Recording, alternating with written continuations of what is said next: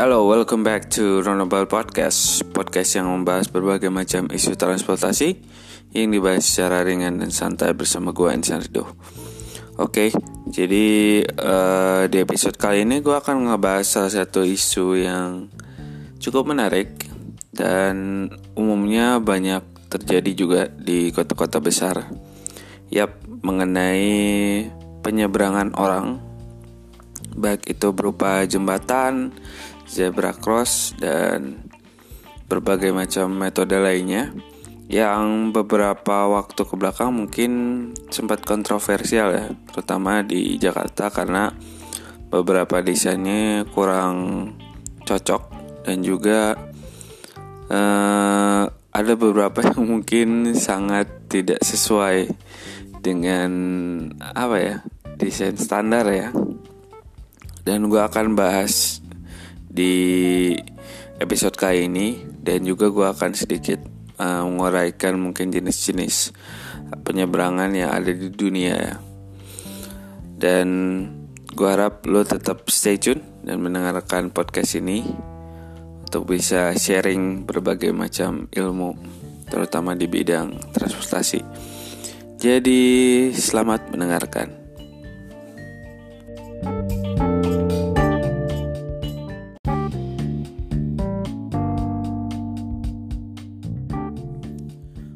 jadi uh, eh, gue akan ngebahas soal penyeberangan orang di episode kali ini.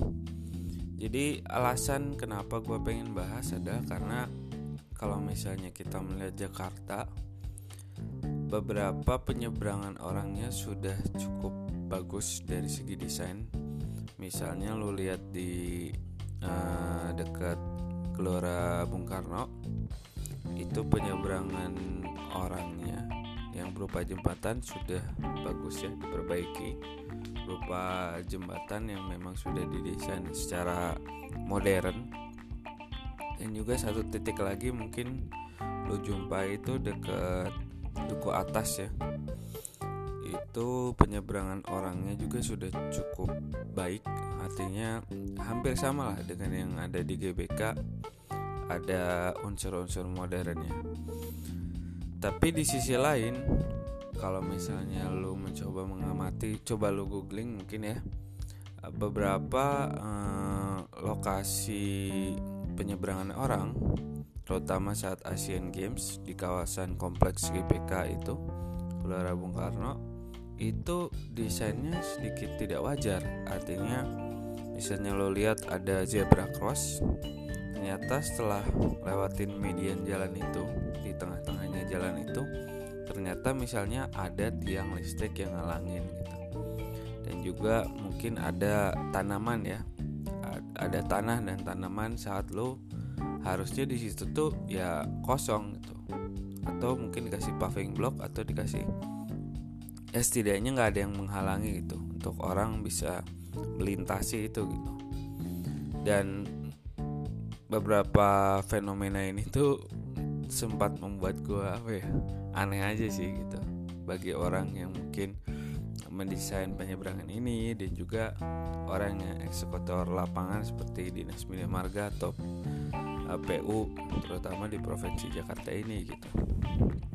Tapi mungkin sebelum menyoroti itu gue pengen uh, sharing dulu mungkin beberapa jenis penyeberangan orang yang ada di jalan yang gue tahu itu ada beberapa jenis ya. Mungkin jenis yang paling umum yang sering kita jumpai adalah uh, zebra cross. Zebra cross ini ya seperti yang kita tahu penyeberangan yang ada di mungkin di Indonesia secara umum itu umumnya memang zebra cross. Yaitu penyeberangan jalan yang memang ada markanya yaitu eh, kotak-kotak uh, uh, kotak-kotak putih itu yang memang dibuat tanpa ada uh, lampu ya. Lampu syarat itu yang seperti merah atau yang kuning gitu. Jadi memang pure hanya marka jalan saja tanpa dibantu dengan lampu atau yang lain. Dan memang di zebra cross ini sebenarnya saat lo melintasi itu gue pernah baca memang zebra cross ini memang uh, pejalan kaki itu diprioritasin. Artinya saat memang ada pejalan kaki yang lewat uh, ya pengguna jalan tuh wajib untuk uh, berhenti atau menurunkan kecepatan lah setidaknya gitu. Dan memang dilindungi juga.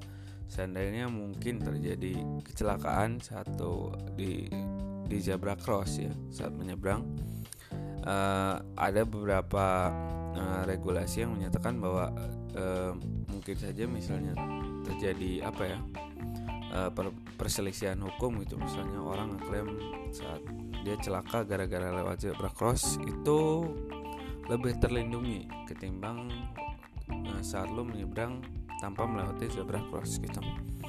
Jadi itu salah satu gambaran mungkin soal zebra cross ya yang mungkin lo semua udah pada tahu. Terus yang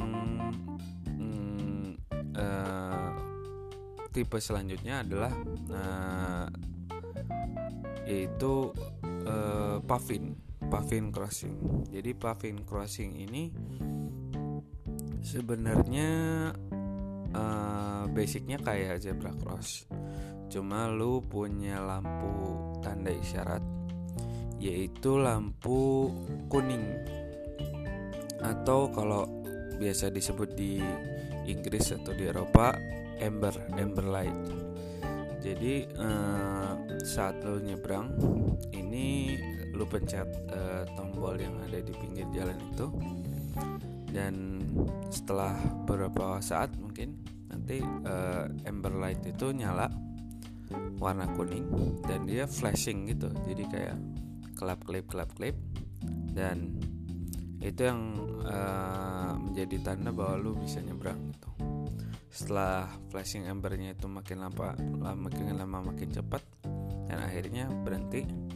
Akhirnya uh, waktu untuk nyebrang habis dan mobil atau kendaraan yang di jalan bisa lewat gitu.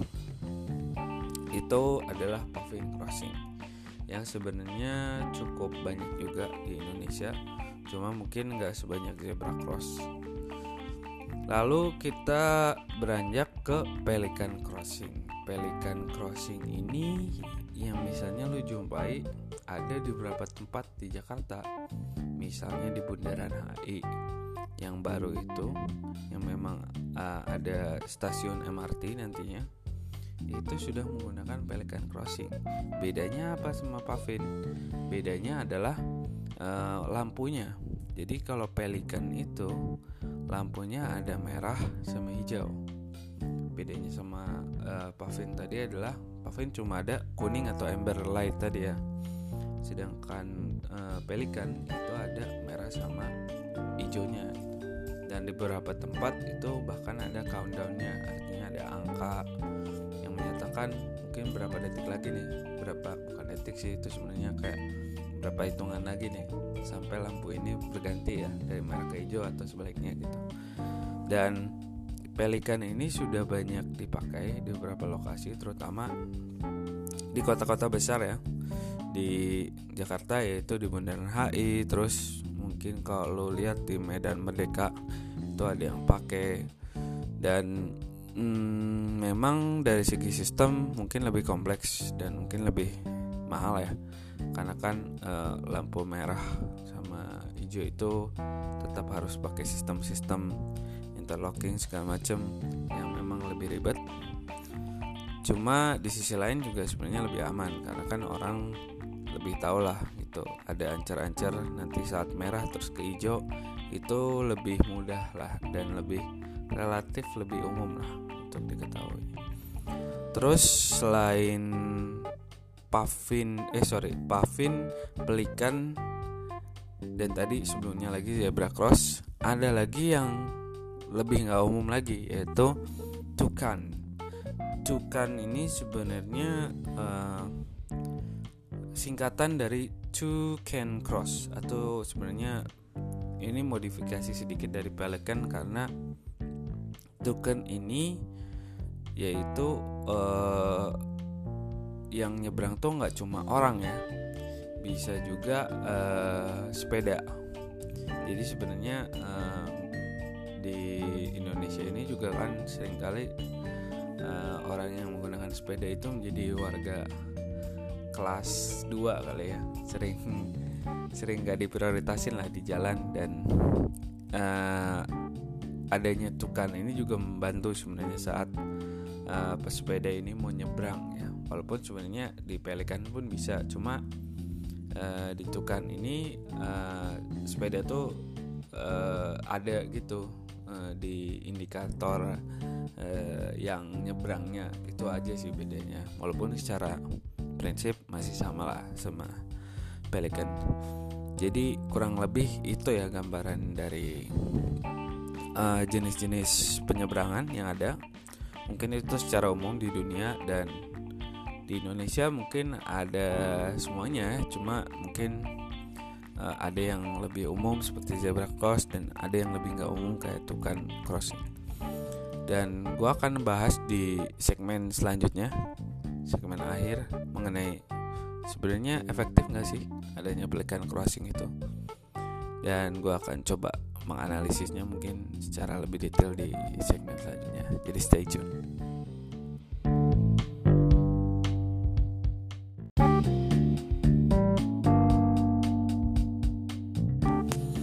Oke, tadi gue udah bahas mengenai jenis-jenis crossing ya di segmen sebelumnya. Jadi uh, yang pengen gue bahas itu apakah sistem crossing yang baru diterapkan seperti Pelican Crossing di Indonesia ini bakal efektif atau enggak. Nyatanya memang saat implementasi di lapangan, Pelican Crossing ini masih belum benar-benar dimaknai sama pengguna jalan terutama kendaraan bermotor ya, seperti mobil sama motor. Seringkali saat uh, ada Pelican Crossing gitu di mungkin di beberapa lokasi yang mungkin masih baru ya uh, para pengendara motor itu masih ya kurang peka aja gitu saat lampu pelikan crossing itu menyatakan merah buat pengguna kendaraan bermotor mereka itu nggak serta merta langsung berhenti gitu. Kadang-kadang masih ngelihat uh, kiri kanan ada yang nyebrang nggak terus langsung uh, nyelonong gitu langsung lewatin lampu merah. Padahal ya kadang-kadang kan kita nggak tahu gitu ada orang yang lari lah atau apa gitu. Dan menurut gua harusnya pengguna kendaraan bermotor bisa lebih mengerti lah dan bisa memahami gitu. Dan juga ada beberapa kontroversial yang sempat dibahas mungkin beberapa netizen yang berpikir pelikan crossing ini uh, bisa menghambat traffic ya menghambat lalu lintas terutama ada banyak yang komplain masalah balikan crossing di Sudirman beberapa lokasi di Jalan Sudirman. Ya sebenarnya nggak bisa dibilang apa ya benar-benar salah juga karena memang pelikan crossing ini kan masih baru mungkin awam ke orang. Cuma hal yang harus digarisbawahi terutama buat para uh, desainer dari penyeberangan jalan ini adalah ya harus diperhitungkan juga traffic yang ada di sana gitu. Bagaimana traffic flow-nya bagaimana uh, kepadatan volume kendaraan yang di sana gitu yang harus dipertimbangkan terlebih dahulu gitu sebelum mendesain uh, penyeberangan jalan gitu. Memang jembatan penyeberangan orang tuh lebih aman lebih istilahnya tidak menginterupsi lalu lintas di jalan. Cuma apakah orang-orang akan bersedia naik jembatan penyeberangan orang yang sering kali juga didesain tidak ramah untuk kaum disabilitas gitu? Dan ini yang menjadi apa ya uh, pertanyaan kunci mungkin buat para desainer penyeberangan orang ini gitu. Dan uh, banyaklah yang harus dipertimbangkan dalam pembuatan desain penyeberangan orang ini gitu. Dan mungkin segitu dulu. Mungkin dari gua mengenai penyeberangan orang ini. Mungkin nggak terlalu banyak analisis mendalam karena sebenarnya gue pengen sharing aja sebenarnya mengenai apa yang gue tahu mengenai penyeberangan orang dan mungkin di episode selanjutnya gue akan coba membahas lebih jauh lagi beberapa isu yang mungkin menarik untuk dibahas dan gue harap lo masih bisa mendengarkan episode-episode gue dan terima kasih sudah mendengarkan mungkin di episode kali ini dan beberapa episode sebelumnya. Thank you banget. Semoga ngasih manfaat. Oke, segitu dulu. Sampai jumpa di episode selanjutnya. Bye bye.